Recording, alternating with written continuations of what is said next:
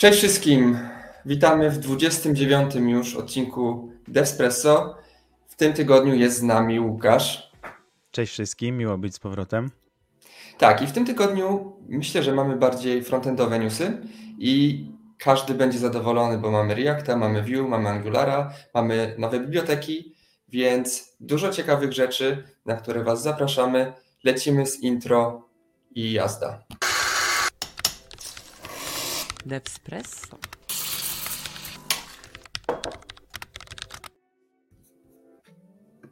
Ok, tak jak wspomniałeś na początku, mamy trzy wielkie frameworki, Vue, Angular i React, ale React jest największy, więc chyba zaczniemy od Reacta.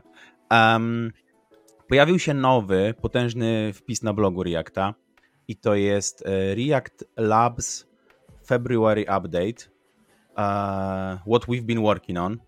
To jest seria update'ów, które oni wrzucają raz na jakiś czas. Ja sobie zerknąłem do poprzedniego i był opublikowany mniej więcej rok temu, chyba w marcu poprzedniego roku. I jak sobie przeleciałem po tematach z tego roku i porównałem sobie z tematami z poprzedniego roku, to trochę mi wyszło tak, że w tamtym roku oni mówili o jakichś rzeczach, highlightowali jakieś rzeczy, które są in progress, a w tym roku część z tych rzeczy już nie jest in progress, tylko już jest powiedzmy na, na ostatniej prostej, żeby być e, publiczna, zrelisowana, czy, czy powiedzmy coś w tym stylu. I chyba największa rzecz, którą tam widzę, jest zmensjonowana na, prawie na samym końcu i to jest powiedzenie, że React 19 niedługo wychodzi. I ten React 19 będzie miał bardzo dużo nowości, e, o których oni zresztą mówią w tym blogu. React 19, e, jeszcze może wracając do wersji Reacta, czy ty wiesz, kiedy ostatni React został wypuszczony? W ogóle jakikolwiek release, który był? Mm, kiedy? Nie wiem, bo bardzo szybko czas leci ostatnio, więc pewnie dawno temu, zgaduję, że ponad rok temu. Nie wiem, czy to było 18.2 jest ostatnie, czy... 18.2 jest ostatnią wersją i było wypuszczone w czerwcu 22. To jest okay. w ogóle jakiś kosmos, że przez półtora roku nie mieliśmy żadnej wersji Reacta. Już nawet nie mówiąc o Majorze jakimś, e, tylko żadnej. I, I to powoduje pewne, powiedzmy, plotki jakieś takie właśnie w frontendowym świecie, że React trochę słabo się rozwija, że w Reactie trochę mało jest y, energii ostatnio i myślę, że ta wersja to jest dowód na to. Zresztą, jak spojrzysz na, na Angulara, o którym będziemy zaraz rozmawiać, to w Angularze przez ostatnie półtora roku zadziały się cuda, a w Reactie trochę mniej. No dobra, y, o Angularze później, to wejdźmy do tego Reacta. Co tu będzie? E, pierwsza rzecz, o której oni mówią, to jest e, React Compiler. React Compiler to będzie coś, co my znamy pod nazwą React Forget. I to jest rzecz, która była highlightowana już od kilku lat. E, przez ostatnie kilka miesięcy oni używali tego w produkcji na Instagramie. Ja byłem na jakimś toku na temat React Forget w Amsterdamie na konferencji. Sorry, nieważne gdzie, na innej, ale nieważne gdzie. I tam mówili, że ona jest używana w webowym Instagramie i w aplikacji na Questa, jakiejś aplikacji z sklepu na Questa od Mety. Teraz już podobno, według tego blogposta, React Forget czy React Compiler działa na, na całym Instagramie i niedługo będzie gotowy, żeby nam go zaprezentować. Taki szybki skrót, co to jest ten React Forget albo React Compiler, to sposób na to, żeby deweloperzy nie musieli pisać e, tych różnych optymalizacji, czyli React Memo, React Use Callback, e, Use Memo, tylko żeby te rzeczy działy się automatycznie, były mm, dodawane, optymalizowane przez jakiś compiler Reacta. E, tutaj w tym blogpoście nie jest napisane, czy to będzie w wersji nowej Reacta, czy to będzie jakiś oddzielny pa package, czy coś takiego a o innych rzeczach jest napisane, że o, to wejdzie w najnowszej wersji Reacta. Więc spodziewam się, że to będzie coś oddzielnego, coś obok, e, co może będzie można aplikować do starszych wersji Reacta również. Kolejna rzecz, która jest wspomniana na tym blogu, to jest Actions. I znowu jest jakiś rename. To był rename na e, React Forget, to teraz jest React Compiler. Actions to kiedyś były Server Actions, i ja szczerze powiem, trochę ciężko mi jest wytłumaczyć, co to jest, bo sam tego do końca nie rozumiem. Ja widziałem to w kontekście e, React Server komponentów, kiedy były te akcje, które z, tak jakby z klienckiego kodu mogły wywołać e, jakąś akcję na serwerze i to były takie chyba właśnie te memiczne screenshoty, że można było odpalić jakieś zapytanie po bazie danych czy coś takiego i ludzie mówili, że to wygląda dokładnie jak PHP. To, to są te akcje i te akcje są w Kanary i będą w kolejnym releasie. Kolejne rzeczy, które są już w Kanary i będą w kolejnym releasie, to jest use client, use server uh, directives, czyli coś, co piszesz w swoich komponentach, taką dyrektywę use client, use server i to podpowiada mm, bundlerom, jak zbundlować twój kod, który jest client, który serwer. E, dokument metadata to jest sposób na mutowanie e, headów, headerów twojej strony w dowolnym komponencie, w którym jesteś. I to jest całkiem fajne rozwiązanie. Patrzyłem na Lipkę, która to pierwsza zaimplementowała. Wydaje mi się, że przydatne. E, I asset loading. Szczerze mówiąc, nie, nie wczytywałem się w asset loading, ale prawdopodobnie jakieś po prostu um, fajniejsze sposoby na asset loading. No i to będzie w tej najnowszej wersji Reacta w 19. Ona jest yy, powiedzmy coming soon i też na górze tej strony, jak spojrzysz na tego blog posta, to jest napisane, że ReactConf będzie w tym roku live w Nevadzie 15-16 maja. E, dumny jestem z tego, że Kolstak współorganizuje. Jestem z Kolstaka, pracuję dla Kolstaka, ale nie jestem związany z tą konfą, z organizacją ten konfy wcale. Natomiast fajnie, że jesteśmy współorganizatorem. I jeśli ktoś by chciał pojechać na tą konfę, to nie da się tak wprost kupić tiketów, biletów, przepraszam. E, trzeba wziąć udział w loterii biletowej. E, na pewno jest bardzo duże zainteresowanie, więc, więc jest taka loteria, do której trzeba wziąć udział. To jest do 28 e, lutego. Zapraszam serdecznie. I jeśli ktoś by chciał być speakerem albo speakerką na tej konfie, to też trzeba się zgłosić do 28 lutego. Wydaje mi się, że to jest wszystko, jeśli chodzi o ten blog post. Poczekaj, zaraz sprawdzę. A, Jestem... jeszcze jest jeden. Mhm. Jestem ciekaw, czy to wy, wy, y, wypuszczą przed konferencją, czy jakby na konferencji na przykład będzie wiesz, jakiś talk taki e, premierowy, powiedzmy, gdzie, gdzie będzie. Wydaje mi się logiczne, że skoro konfa jest za trzy miesiące i wychodzi blog post, który mówi: Jesteśmy już na ostatniej prostej z tą rzeczą, z tą rzeczą, z tą rzeczą, no to że ich własna konfa, własna konfa Teamu Reacta to jest dobre miejsce, żeby, żeby te rzeczy pokazać. Ja, ja chciałem bardzo nagrać podcast o React Forget od już dłuższego czasu, jak usłyszałem o tym trochę bardziej właśnie we wrześniu, październiku tego roku. Ale przez to, że to było ciągle eksperymental i że to ciągle nie można było się tym pobawić, to trochę nie ma sensu mówić o czymś dogłębnie, co, czego jeszcze nie można zobaczyć w akcji. Więc mam nadzieję, że będziemy mogli to zobaczyć w akcji już niedługo. I to chyba tak. tyle, jeśli chodzi o Reacta i pomyśl sobie, to jest ostatnie półtora roku. Oprócz serwer komponentów, to to jest trochę ostatnie półtora roku to, co się działo w Reactie. Znaczy, nie wiem na ile powiedzmy to opóźnienie releasowania, tak, względem tego, co było kiedyś, jest spowodowane tym, że część tych deweloperów z mety przeniosła się do Nexta i chyba ten team metowy, jeśli chodzi o Reacta, tam się mocno skrócił, bo Dan Abramow też chyba odszedł w tamtym czasie, więc nie wiem na ile to jest ta kwestia. Oni też chyba mają troszkę bardziej skomplikowane releasowanie, prawda? Bo rozumiem, że oni używają tych wszystkich tuli u siebie w mecie i dopiero potem muszą pewnie to jakoś przemielić, żeby open source'ować. To pewnie wszystko to jest... zabiera czas. Akurat to jest y, wspomniane w tym blog postie, że te wszystkie rzeczy, o których my teraz rozmawiamy, compiler nie, compiler jest trochę oddzielnie z tego, co ja rozumiem. Natomiast akcje, serwer komponenty, jakieś te asset loading i tak dalej, wydaje mi się, że to wszystko ma spory overlap na siebie. I nie można wypuścić jednej rzeczy, a drugiej zostawić.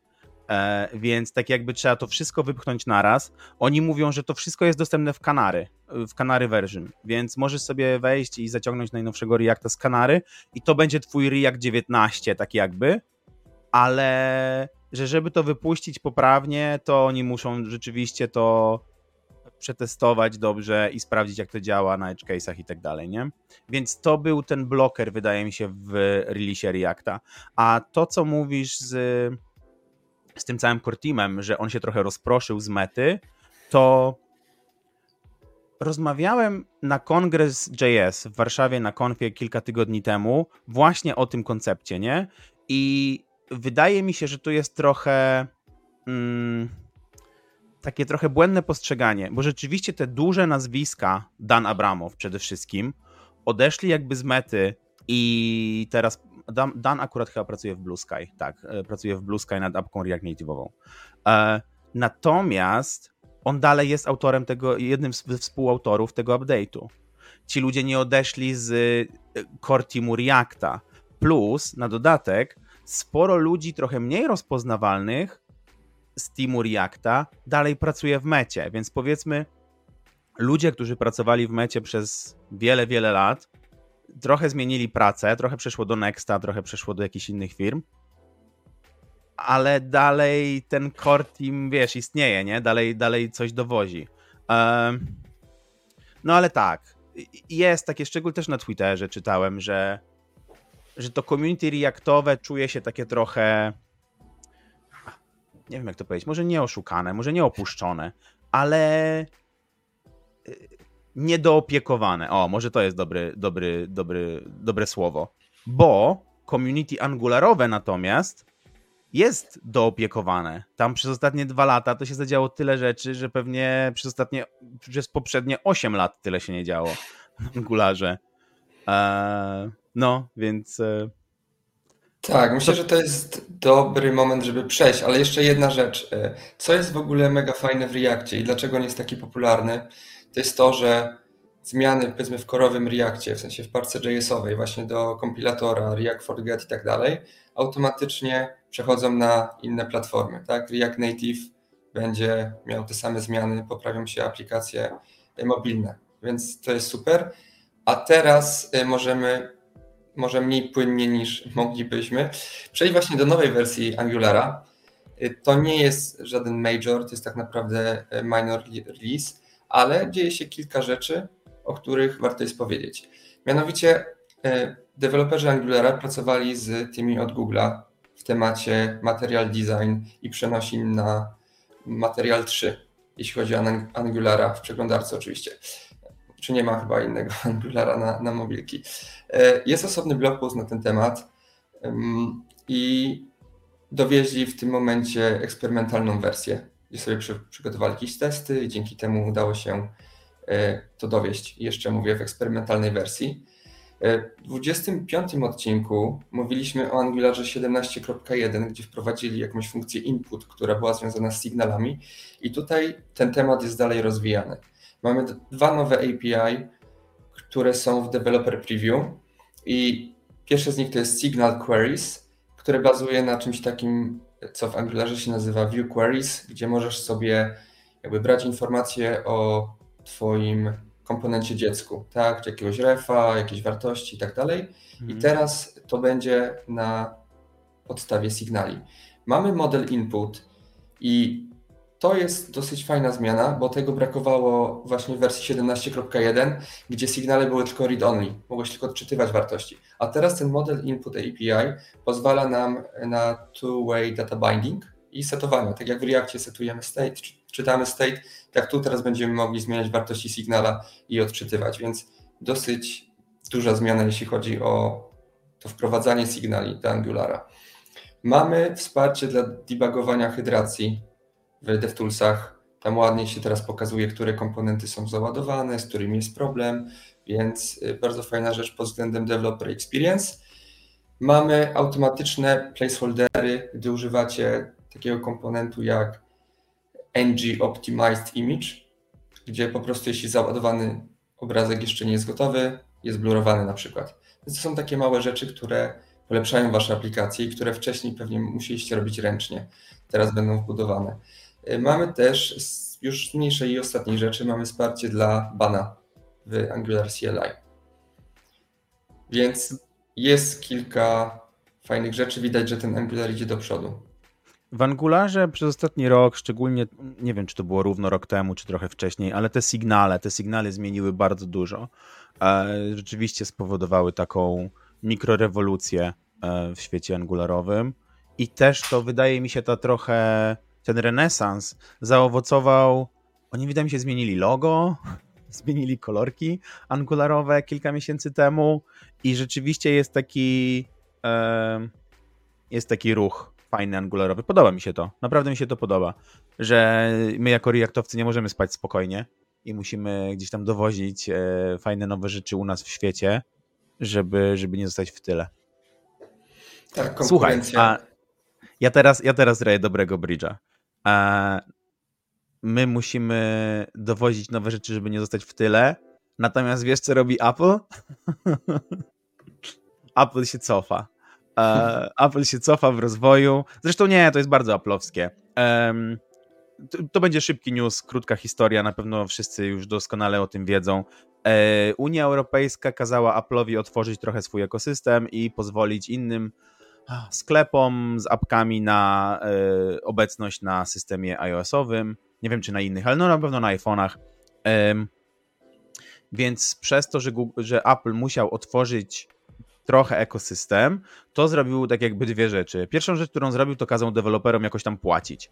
I to już był jakiś czas temu ten news, że no to teraz, żeby tam od milionowego użytkownika, czy coś takiego, jakiś tam hajs, no to trochę się ludzie rzeczywiście wkurzyli, unieśli brew, no ale okej, okay, no Unia każe, Apple robi tak jak Unia każe, ale trochę tam mm, po swojemu, a teraz okazało się, że będą też e, wycofywać się z wsparcia dla PWAs, czyli Progressive Web Apps. Czyli jak wcześniej mogłem sobie zapisać stronkę internetową jako ikonkę na pulpicie i ona się otwierała w standalone przeglądarce i trochę mimikowała moją natywną apkę, to teraz nie będę już mógł tego robić. E, I Apple wyjaśnia, że no, przez to, że musieliśmy tam uruchomić wsparcie dla innych sklepów i musielibyśmy wpuścić wszystkich, to oznaczałoby też, żebyśmy musieli wpuścić Progressive Web Apps, które nie korzystają z WebKita, tylko korzystają z Chromium czy coś, a to by, by trochę e, wpłynęło na bezpieczeństwo naszych użytkowników, bo jakieś tam mogliby kraść coś czy coś takiego, więc wyłączamy w ogóle e, PWA. Zupełnie. I dziękuję znaczy, panu bardzo. Śmiesznie, bo chyba jak nagrywaliśmy ostatni odcinek, razem zresztą, to wtedy też mówiliśmy o Apple. W sensie to był dokładnie ten news, gdzie oni zmieniali właśnie te płatności i tak dalej, i tak dalej. Więc boję się, co będzie następnym razem, gdy przyjdziesz, jakby co Apple nam zaserwuje. Myślisz, bo tutaj to, jakby. Przez to, że ja przychodzę na odcinek, to Apple na to patrzy. Ja damy Łukaszowi jakiegoś newsa. Tak, widzą, o Łukasz będzie, to, to dowalimy do pieca. No tu widać, że Apple jakby chroni y, siebie, jakby nie pozwala na rozwój powiedzmy ekosystemu, prawda? Tylko swoje interesy mm, priorytetyzuje i stawia na pierwszym miejscu, co jest oczywiście niefajne dla nas deweloperów, też dla użytkowników, wiadomo. No, oni też tam pisali, że to, że była bardzo mała adopcja tego PWA i że nie chcą tego wspierać i utrzymywać, po prostu to zabijają. No, te argumenty, w sensie argumenty mają takie nie wiem, śliskie, ale i tak wszyscy wiemy o co chodzi. Chcą jak najbardziej utrzymać kontrolę nad swoim ekosystemem i tyle. Tak. Teraz możemy przejść e, do następnego newsa, który jest nowa lipka. Jedna z dwóch dzisiaj nowych. To nazywa się Tempo, bo Tempo też musimy utrzymać jeszcze, jeśli chodzi o ten odcinek z newsami. I jest to nowa biblioteka do dat. Też chyba dwa odcinki temu mówiliśmy mm, o nowym API w Dino, jeśli chodzi o daty. I tutaj mamy coś troszkę innego, bo oni bazują już na istniejących e, bibliotekach, które wszyscy znają, czyli Moment.js, Day.js, Date.fns, tylko że różnią się od nich tym, że oni opierają swoją implementację o date object, tak? Powiedzmy, że to jest taki wrapper i funkcje pomocnicze. A pozostałe lipki tworzą zazwyczaj swoją jakąś strukturę danych, jeśli chodzi o tą e, datę. I ta lipka jest stworzona przez FormKit i to jest jakaś firma, która ma open source'owy framework do formularzy we Vue. Więc mówiliśmy o Vue, a tutaj mamy już JS-ową, więc możecie sobie korzystać z niej gdzie chcecie. I tak jak mówiłem, inspirowali się innymi bibliotekami, dlatego w założeniu ma to być mała biblioteka. Tak? Z DateFNS był do pewnego czasu problem z jej rozmiarem, teraz już oczywiście to się zmieniło. I ma być łatwa w używaniu, y, jakieś wsparcie dla stref czasowych, y, locali i tak dalej. Y, oni używają pod spodem czegoś, co się nazywa INTL Datetime Format, który służy do formowania, formatowania dat do parsowania, manipulowania datami i tak dalej. Więc tutaj, jeśli zastanawiacie się nad wyborem kolejnej biblioteki do dat w waszym projekcie i chcecie czegoś nowego spróbować, bo te lipki, których używaliście, nie są dla was odpowiednie, chociaż wydaje mi się, że wszystkie i tak, y, jakby jeśli chodzi o wszystkie use cases, to, to je zapewniają. E, Właśnie ja sobie teraz porównuję, bo dla mnie tej, ten Date FNS to był taki go-to, od kiedy Moment.js y, przestał być wspierany, tak jakby, to ten Date FNS, y, który też, ty powiedziałeś, że on ma jakieś swoje własne obiekty. Nie, on bazuje też na dacie i on bardzo okay. ma podobne API do tego tempo. E, I prawdopodobnie można robić wszystko. Pewnie, żeby stwierdzić, którą chcesz używać, to musisz znaleźć swoje use case i sprawdzić, nie wiem, która jest mniejsza, lżejsza i, i robi trochę jakieś rzeczy szybciej.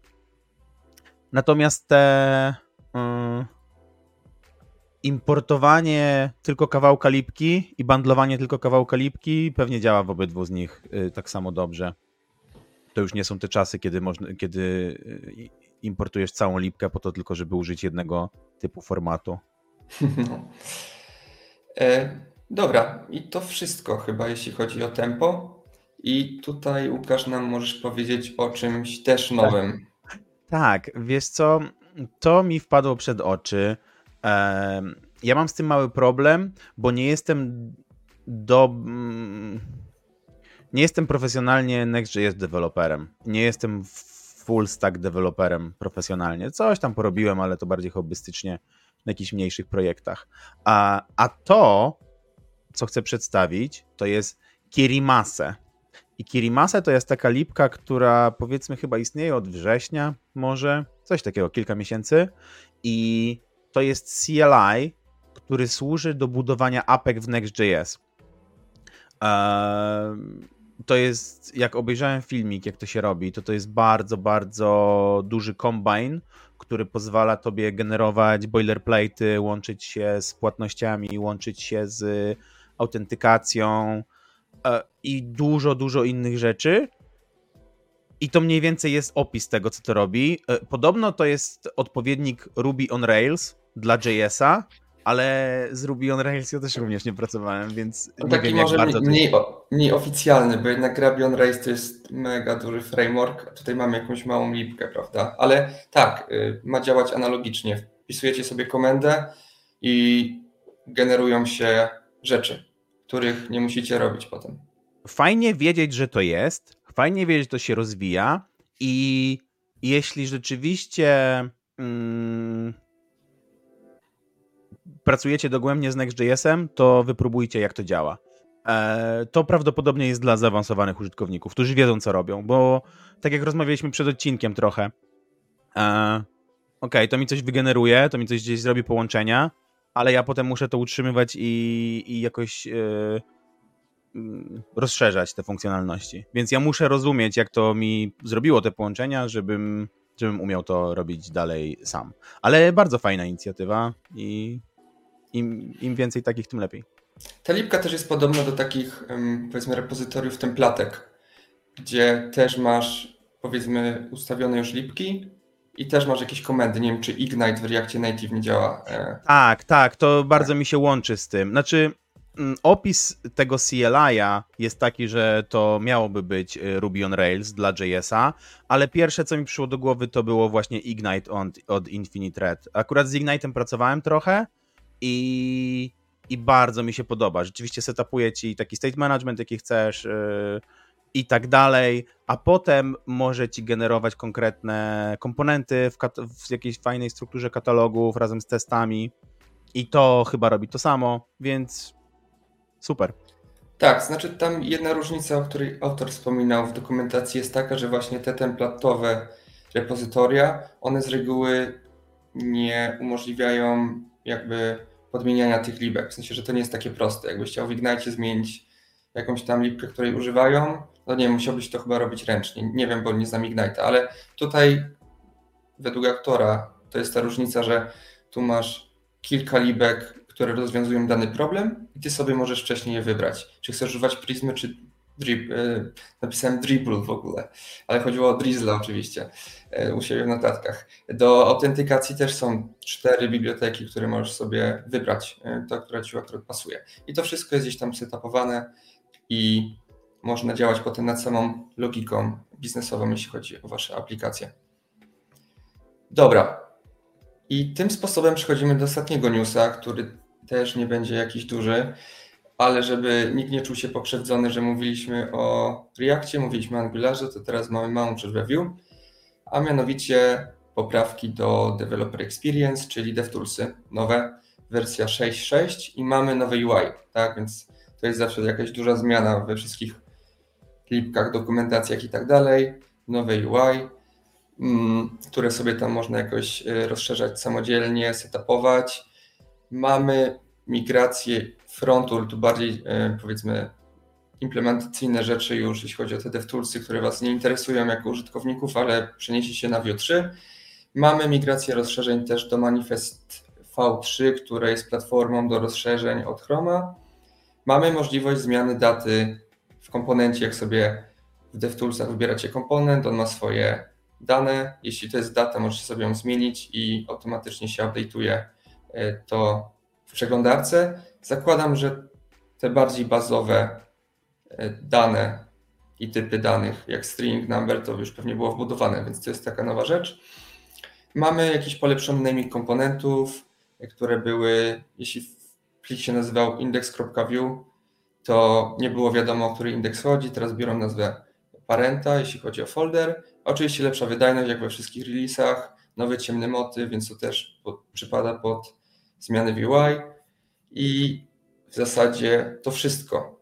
Więc jeśli debugujecie swoje apki DevToolsami, to jest e, na co popatrzeć. I pewnie też się przyzwyczaić. Zawsze te zmiany UI-owe są takie, że potem nie wiesz o co chodzi, gdzie co znaleźć.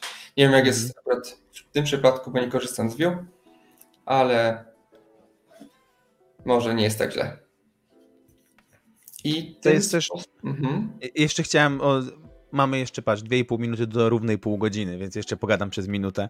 To jest też, też nasza ta trudność. E, rozmawialiśmy przed odcinkiem, e, że my zwykle robimy Reacta, React Native'a i dla nas ten React i React Native jest taki prostszy do opowiadania, mówienia o nim, znajdowania na, niego, na, na jego temat newsów.